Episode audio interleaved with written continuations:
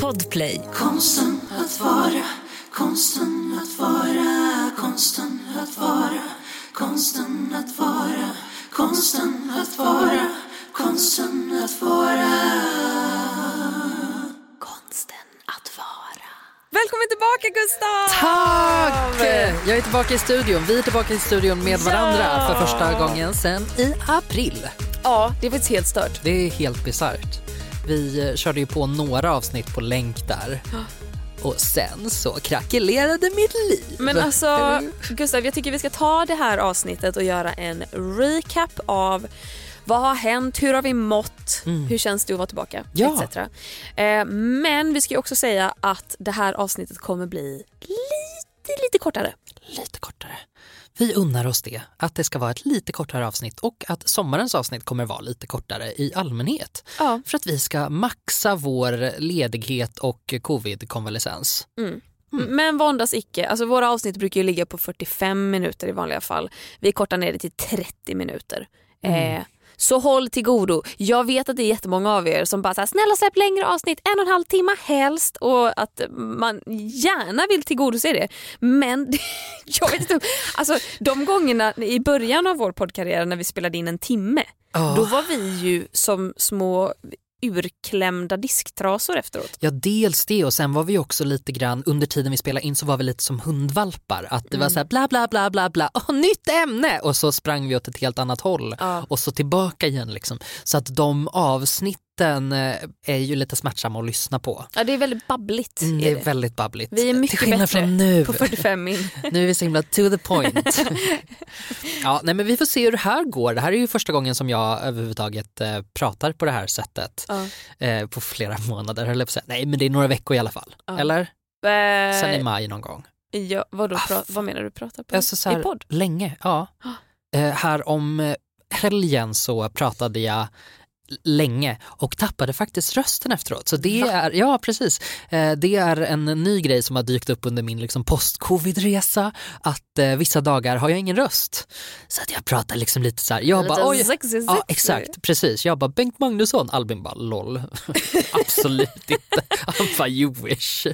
Jag låter bara som en lite tröttare version av mig själv. Men okej, då spolar vi tillbaka bandet. Gustav, vad var det som hände? Det som hände var att jag blev smittad av den pandemiska sjukdomen covid-19. Det känner alla till. Eh, jag powered through. Vi spelade in ändå med eh, 40 graders feber men sen när jag blev frisk så eh, gick det väl någon vecka, några veckor sådär. Och, eh, och eh, symptomen försvann aldrig. Mm. Eh, Så jag har haft eh, symptom ända sedan jag blev frisk egentligen som har poppat upp på lite olika sätt. I början var det mycket huvudvärk som jag hade. Jag har en eh, rejäl tröttma som hänger i fortfarande att, att eh, det, det tar ganska mycket på mina krafter att göra saker. Eh, ibland får jag hosta och då brukar jag hålla mig hemma för att det känns som att det gör folk nervösa även om jag då är frisk nu. Så det har varit ganska frustrerande faktiskt. Ja. Det har varit en långkörare. Och sen så är man ju medveten om att det finns naturligtvis folk som har haft det värre. Jag har folk i min bekantskapskrets som har varit sjuka i över ett halvår och haft feber konsekvent varje dag. Så att eh, på den skalan så har jag inte haft det så illa. Men typ alla andra som jag känner som har haft det har varit sjuka i en eller två veckor och sen så har det försvunnit liksom. Ja, sen har de varit friska. Men jag tycker så här, du, du ska inte trycka ner dig själv nu för att du inte är sjukast av alla. Alltså jag tycker du har full rätt att känna så. Alltså jag, jag får ju lov att säga åh jag är så hungrig, fy fan vad länge sedan det var jag åt någonting. Eh, det får ju jag lov att säga fastän det finns barn i Afrika söder om Sahara som inte har mat överhuvudtaget. Så att, eh, Nej, jag det tycker där absolut att du får säga så. Ja, jag tycker också det. Men ändå så, det- liksom, det, det är... Och sen så tror jag att det är, eh, det är lite instinkt att göra så för att folk blir oroliga Ja. när man pratar om det. För att jag svarar ju ändå om folk frågar hur det är med mig så säger jag hur det är och, och säger att jag har symptom fortfarande. Och om jag inte lägger till den lilla så här, ja det kunde ha varit värre så känns det som att de blir så himla oroliga. Ja, och så fattar. blir folk så här, åh men gud stackare och jag bara, men det är jag faktiskt inte. Jag vill inte ha stackars stackars så. Eh, Men det är precis som med allt annat när jag typ försöker skoja med folk och jag bara haha jag är jättedeprimerad. Jag tänker på självmord hela tiden, LOL! och de typ såhär nej men gud vad hemskt. Jag jag bara nej, alltså det här är min humor. Min humor går ut på att, att det, det är liksom mörkt. Och det blir samma sak med covid, att ja. ah, jag bara haha, nu har jag haft symptom i två månader och då fattar typ inte folk att det är på skämt och det kanske är för att det inte är så roligt, vad vet jag. Det, det är mycket nu, alltså du snuddar linjen för sanning och sen lyfter du från den och sen snuddar du den igen och sen så går du lite undan. Det är som att jag inte heller riktigt hänger med, för du har haft symptom mm. i två månader. Mm. Ja. ja. Så det är väl inte på skämt? Nej det är ju inte på skämt. och det är så förvirrande. Nej det är ju inte på skämt men det är väl mer sättet jag pratar om det på ja. som är på skämt. Att ja. jag försöker skoja om det. Eh, yep. Men eh, apropå, det har varit jättekrävande. Superkrävande för eh, psyket framförallt. Att känna att man inte vet när det ska bli bättre, mm. att eh, bli bättre och sen bli sämre igen. Det är någonting som jag får kämpa med mm. ganska mycket, eh, lite daglig form. Så när det känns lite värre så kan jag bli ledsen och tycka att, att det är tråkigt att eh, inte kunna bete mig som vanligt och göra det jag vill och, eh, och hela tiden känna mig lite opolitlig, att det alltid finns en risk för att jag drar mig ur saker. Att jag säger att jag ska vara någonstans en dag och sen så kan jag inte vara där för att jag då kanske har gjort någonting annat dagen före och så känner jag mig dum för att säga åh nej, jag borde ha tänkt på att jag skulle göra det där på torsdagen, så gjorde jag det här på onsdagen. Det var tokigt av mig. Kan du känna att Eh, för, och det här vet inte jag varför jag känner. Det finns säkert någon psykolog som kan rota i det. Men att jag ibland känner när jag ställer in saker för att jag inte mår bra. Alltså om jag är sjuk, om jag har lite symptom.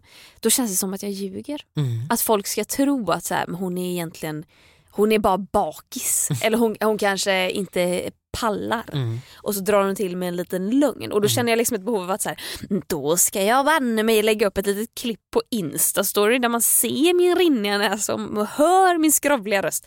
Bara för att legitimera det mm. på något sätt. Alltså, och, och hade jag haft post-covid symptom då hade jag nog känt det ännu starkare. Mm. För att det är eh, ju en minoritet som får det och det snackas inte riktigt om och det finns liksom ingen kunskap kring det och det är så olika från person till person. Jo men jag tycker att det har varit jätteobekvämt eh, emellanåt eftersom jag typ men så här, kan ändå posta lite bilder på Instagram och liksom lite stories och sådär.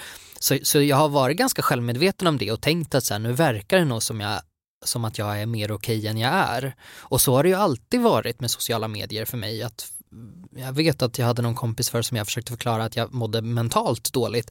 Och hon sa, men du är glad på Facebook, det här är alltså tio år sedan, därav inte TikTok.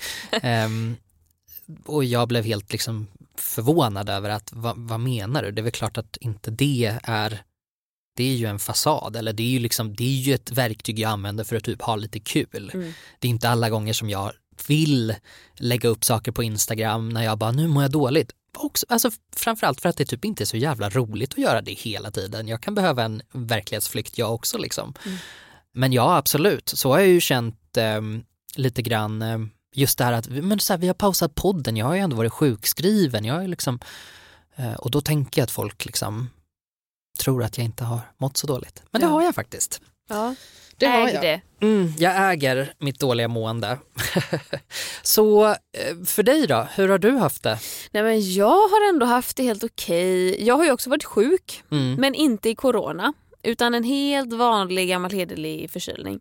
Vilket å ena sidan känns det tråkigt för att jag vill liksom Alltså vad sjukt ändå i framtiden när typ man snackar med liksom ens barn om man har några och de bara wow fick du corona mamma? Och man bara nej jag fick, jag fick aldrig det. Nej, jag satt där inne i min lägenhet och tvättade händerna ja. som en galning. Och det låter ju lite tråkigt, man vill ju ändå kunna skryta om att man har liksom haft den här pandemiska mm. Skiten. Eh, men det har jag alltså inte haft. Eh, och, och, jag kan tycka då att så här, det vore så skönt också att ha antikroppar. Ja. Eh, eller något sånt. Men det, nej, utan det var bara en vanlig förkylning. Samtidigt är jag också väldigt glad att det bara var en vanlig förkylning. För det känns som att man har hållit sig så länge nu från att få det. Och då kanske mm, man kan härda ut sista biten också. Mm. Och eh, så kan man skryta lite om det istället.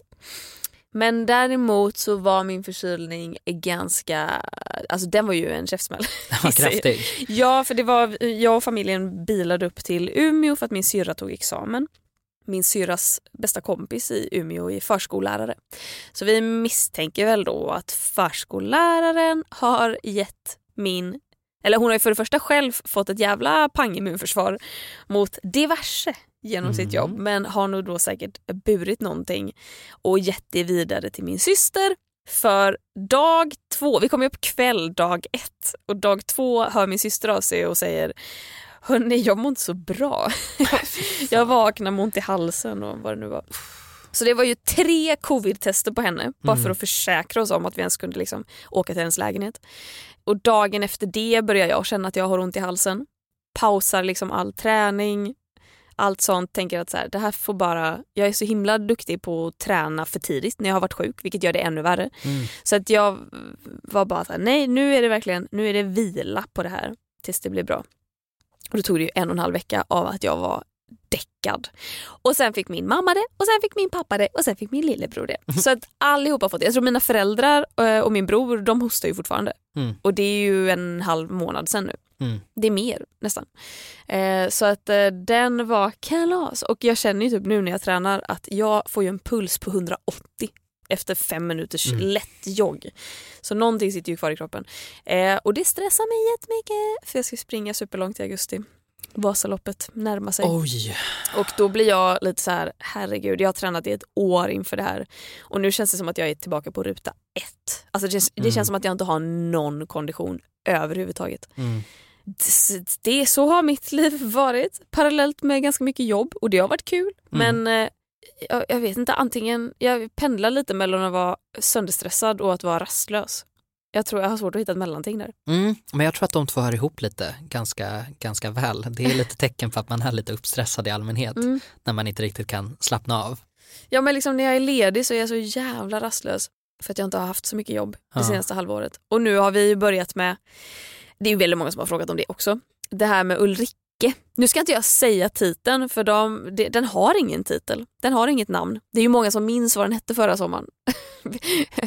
Ehm, men eh, den har inget namn nu så den är namnlös och vi filmar typ 11 timmar om dagen. Att du har ett jävla schema nu. Ja. Köttigt. Nu är det köttigt. Eh, så då blir det som att då, då är man ju såklart ganska stressad Mm. över det. Framförallt för att det är så mycket manus att lära sig. Och när, vilken, ja, när man filmar varje dag så är det svårt att hitta tid. Men känns det kul då, skådespelargrejen? Ja, det känns jättekul. Det känns jätte, jätteroligt. Jag har ju färgat mitt hår. Det är ju brunt och um, grönt. Grönt. Mm. Ja, japp, Man vill ju liksom inte bara kasta, sig ur, kasta ur det och så bara, nej alltså det ska vara brunt alltihopa. Nej, det är verkligen, det är, det är någon sån form av träskgrön. Mm. Ogre, Ja, realness. japp, japp. Så det känns kul att liksom gå in i den karaktären för min Mm. karaktär är helt psykstörd. Får man säga så? Det kanske man inte får. Ja, det får man. Får man det? I egenskap av psykstörd människa så, så säger jag att det är okej. Jag har ju joinat den klubben sen mars eller när det var. Ja. Jag började. Lite, lite bräcklig sådär. Ja. Ja, Nej men hon är knäpp i huvudet och hon har inget konsekvenstänk. nej. Hon är dum som fan. Ja. Så att, Det alltså låter dum som, som en elak. väldigt rolig roll att spela. Ja men det är faktiskt jättekul. Det låter väldigt, Det är väldigt kul. jättekul. Mm. Och det blir så fint! Alltså, åh, jag har tagit så fina bilder. Det ska bli jättekul. Och Men- jag tror att den kommer komma ut redan Ja, till det var höst. precis det jag skulle fråga. Ja. Redan i höst till och med. Ja, men jag Oj, tror satan. det för att det är ett jävla klippjobb de ska börja göra väldigt snart. Ja. Eh, så jag tror att den kommer komma ut snart på Discovery Plus. Ah. Ja, nej, jag vet inte. Så det gör jag. Och det ska jag göra hela sommaren. Ja, ja det, kom, det kommer fortsätta. Ja, vi filmar fram till Mm. sista augusti. Dröm.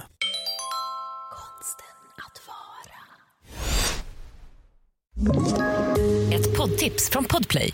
I podden Något Kaiko garanterar östgötarna Brutti och jag, Davva, dig en stor dos skratt. Där följer jag pladask för köttätandet igen. Man är lite som en jävla vampyr. Man har fått lite blodsmak och då måste man ha mer. Udda spaningar, fängslande anekdoter och en och annan arg rant. Jag måste ha mitt kaffe på morgonen för annars är jag ingen trevlig människa. Då är du ingen trevlig människa, punkt. Något Kaiko, hör du på Podplay. Därför är Jag eh, håller på i, det är lite så här sluttappen på inför liksom sommaren på mitt jobb nu. Så att det har varit ganska intensivt, väldigt roligt. Väldigt roligt i många, många stunder.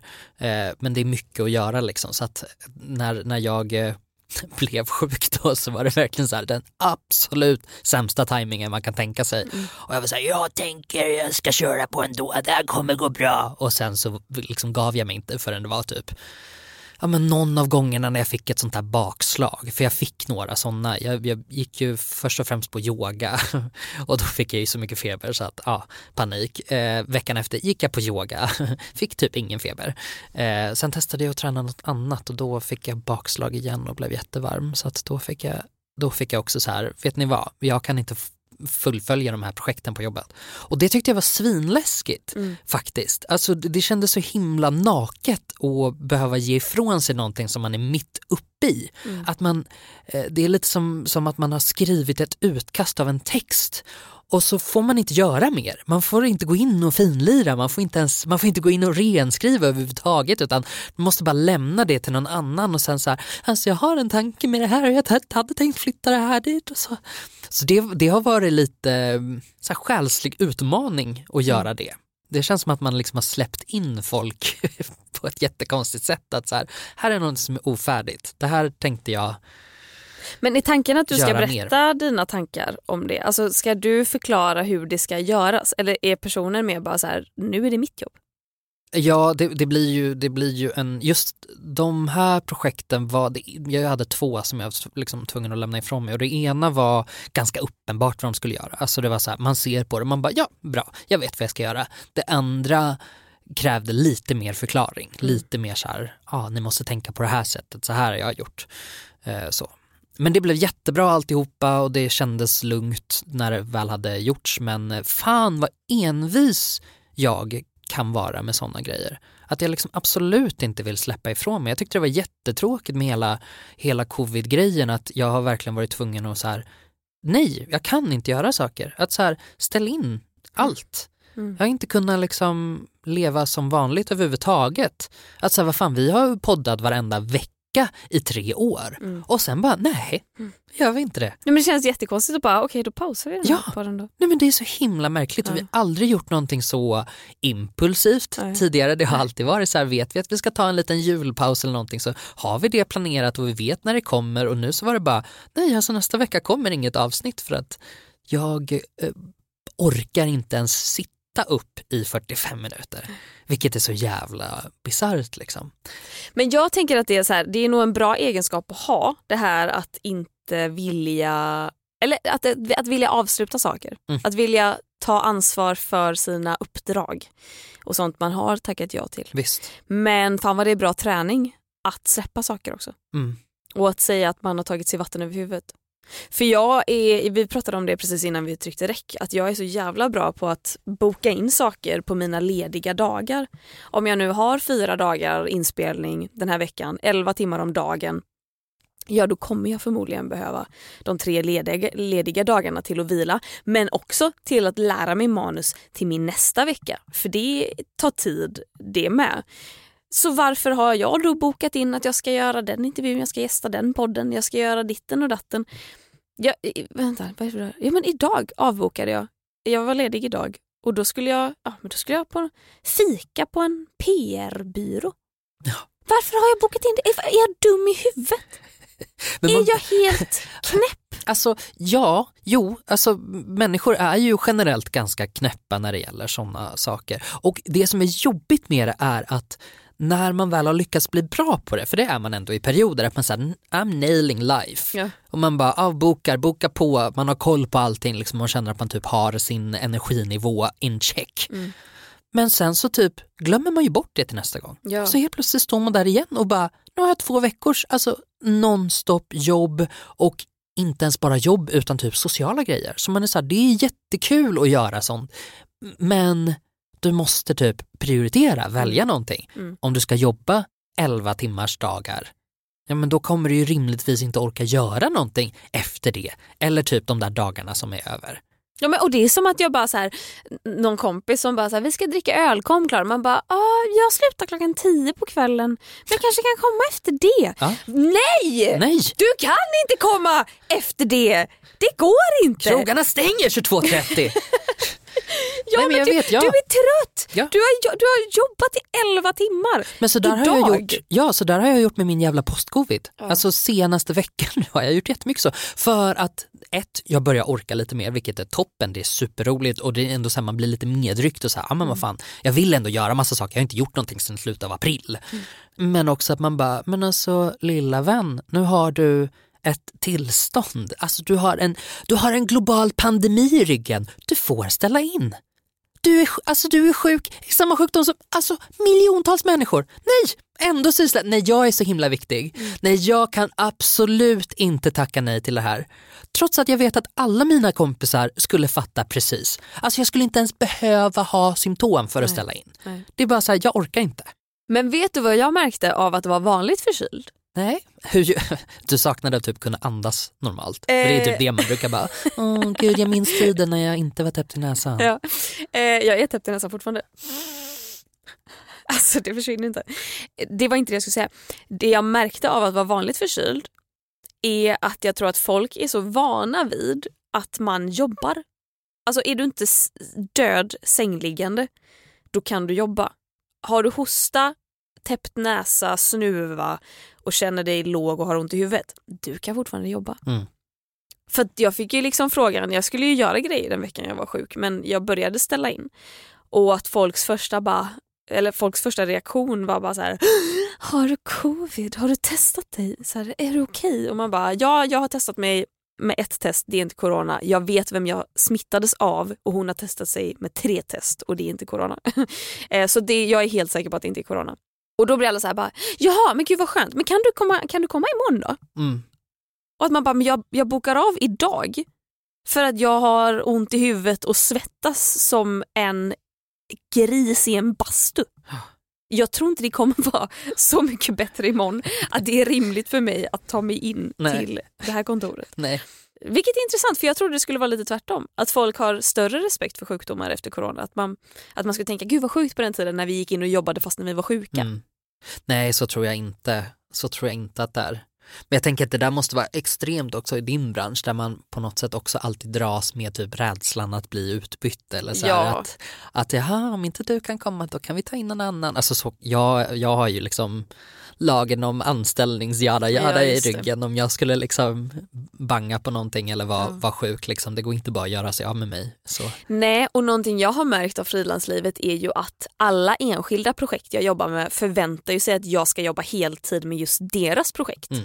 Att om de har ett uppstartsmöte då finns ingen förståelse för att jag jobbar heltid med en annan inspelning. Nej, Och jag kan inte ha ett möte med er tre månader innan jag ska göra ett gig för er. nej. Men eh, det, det, då, blir det, då blir de stressade. Ah, Det blir de. Ja, det är fan inte lätt att leva Gustav. Nej det är det verkligen inte. Men vad skönt, då har vi fått en liten recap på hur vi mår, vad vi gör. Det är bättre nu Gustav. Det är bättre nu. Skönt, hoppas det försvinner helt. Det hoppas jag också. Snart så.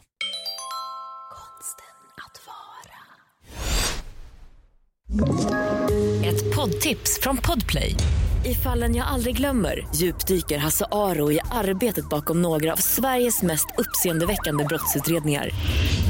Går vi in med hemlig telefonavlyssning och, och då upplever vi att vi får en total förändring av hans beteende. Vad är det som händer nu? Vem är det som läcker? Och så säger han att jag är kriminell, jag har varit kriminell i hela mitt liv men att mörda ett barn, där går min gräns. Nya säsongen av Fallen jag aldrig glömmer på Podplay.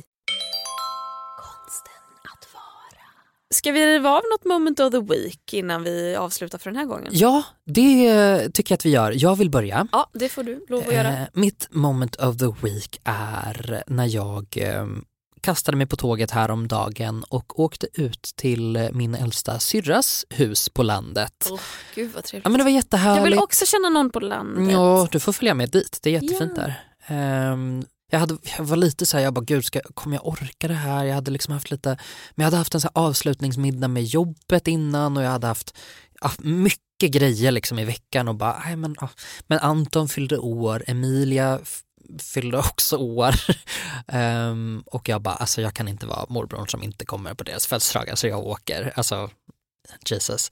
Ehm, så jag åkte ut till syrran och där fanns ju också lilla Julia, den Mm. nyaste bebben. Lilla, lilla bebben. Eh, och eh, jag fick hålla i henne för första gången. Hon var jätteliten och jag bara, gud hon är så himla liten. Och Pernilla bara, ja alltså hon är ju stor nu för att hon är ju typ, hon föddes ju alldeles för tidigt. Ja. Eh, och de gjorde typ en behandling under graviditeten för att de skulle undvika den här sjukdomen som Emilia Just hade. Mm. Eh, ja, då fick de liksom ta ut henne med kejsarsnitt och göra, göra. Eh, och hon föddes och var, jag vill säga att hon vägde 1600. Men gud, Eh, vad ah, brukar bebisar väga? Alltså Mellan typ två, tre, fem och ja, tre och fem. där eller någonstans. Mm.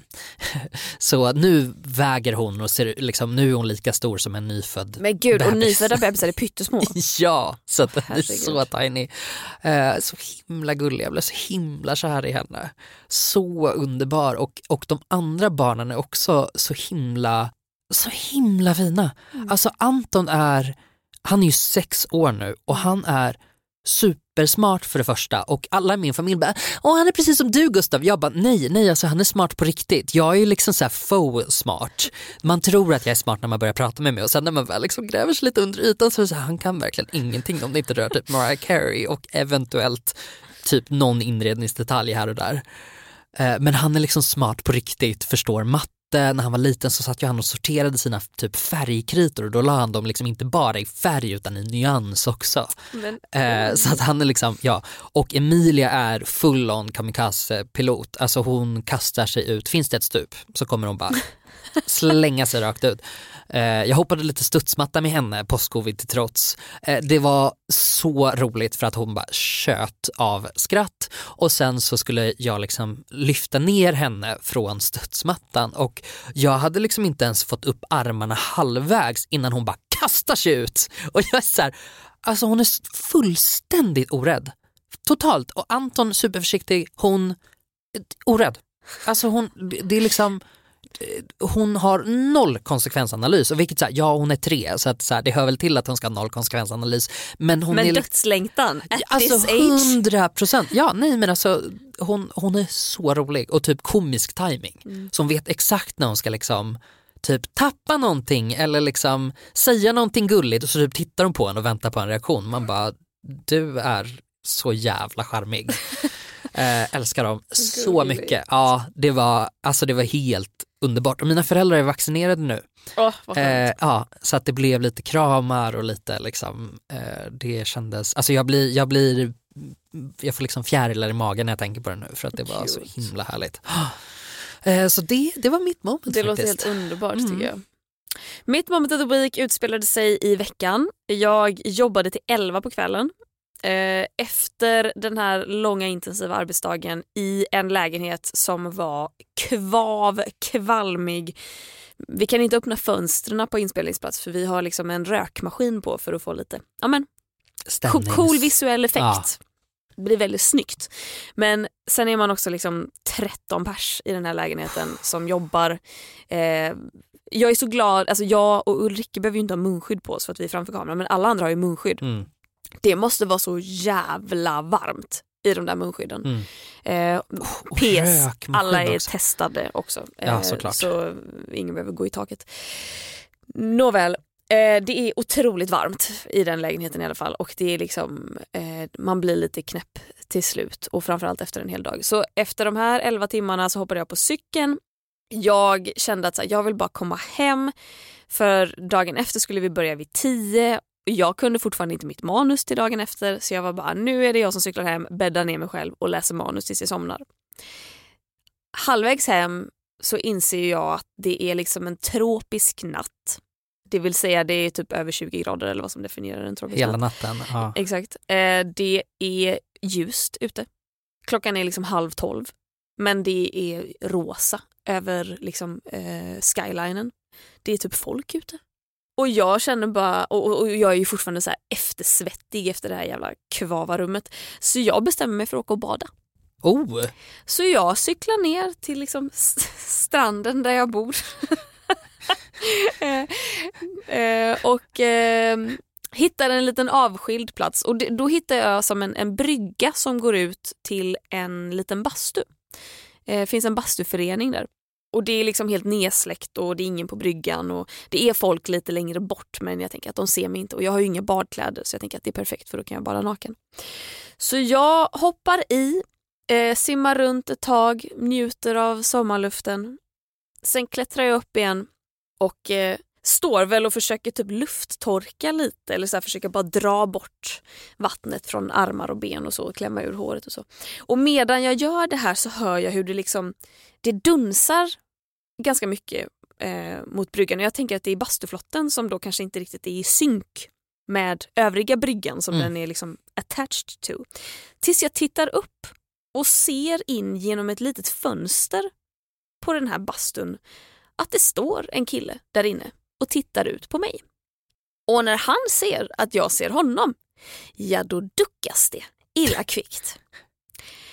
Så jag blir ju rasande och eh, förstår ju att de här dunsande ljuden, det var ju att den här killen gick omkring inne i den här bastun och förmodligen då typ aktade sig från fönstret när jag kanske lyfte blicken eller någonting för att inte jag skulle se honom.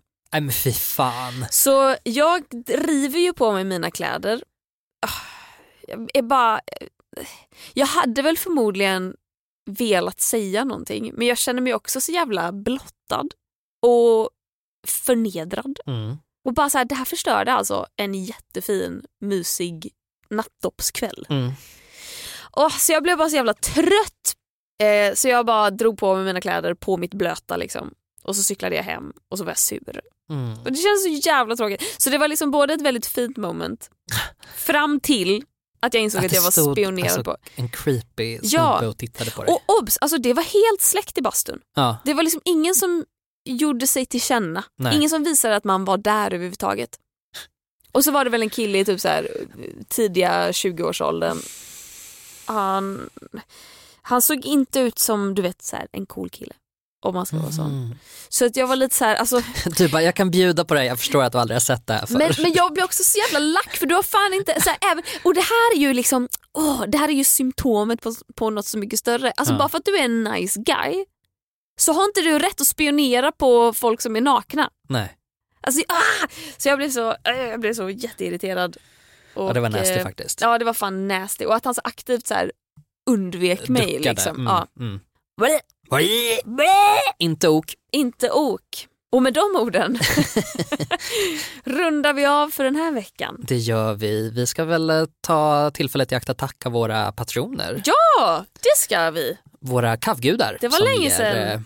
Eh, 10 dollar till oss om ni vill skänka lite pengar till den här verksamheten så kan ni gå in på patreon.com och söka fram konsten att vara. Ja, och ifall ni undrar, ni som är patrons, det har ju inte dragits pengar medan vi har Nej. haft poddpaus. Det har det ju inte Eh, gjort. ifall någon skulle tveka på det. Jag ser att vi har fått en ny 10 dollars Patreon. Work. Eh, om det inte är någon då som har bytt namn, men jag tror inte det. Eh, så hej och välkommen David Brostedt! Hej! Woo! Och sen har vi även, om jag säger kan du applådera då? Ja, okej. Mm. Humlan! Elinor Johansson! Sara Perjons! Stephanie Settina! Knut! Hedda Lindström!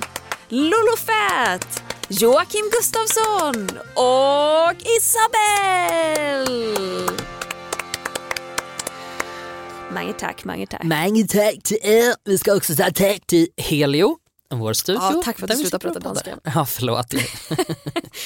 Eh, och tack till Davva som klipper. Ja. Du är en eh, guldgruva och en stjärna som leder oss genom livets mörker. Samt tack till eh, er andra patrons som ger Ja, mindre än you. 10 dollar. Man kan ju ge liksom en dollar i månaden om man vill supporta den här podden på något sätt.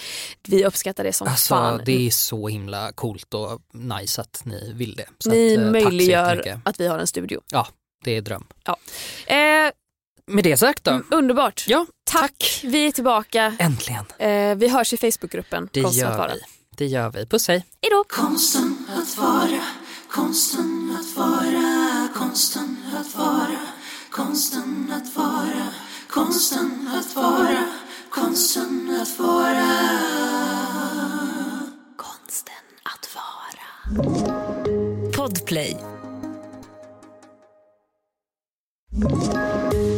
Tips från Podplay. I fallen jag aldrig glömmer djupdyker Hasse Aro i arbetet bakom några av Sveriges mest uppseendeväckande brottsutredningar. Går vi in med hemlig telefonavlyssning och, och då upplever vi att vi får en total förändring av hans beteende. Vad är det som händer nu? Vem är det som läcker? Och så säger han att jag är kriminell, jag har varit kriminell i hela mitt liv men att mörda ett barn, där går min gräns. Nya säsongen av Fallen jag aldrig glömmer på Podplay.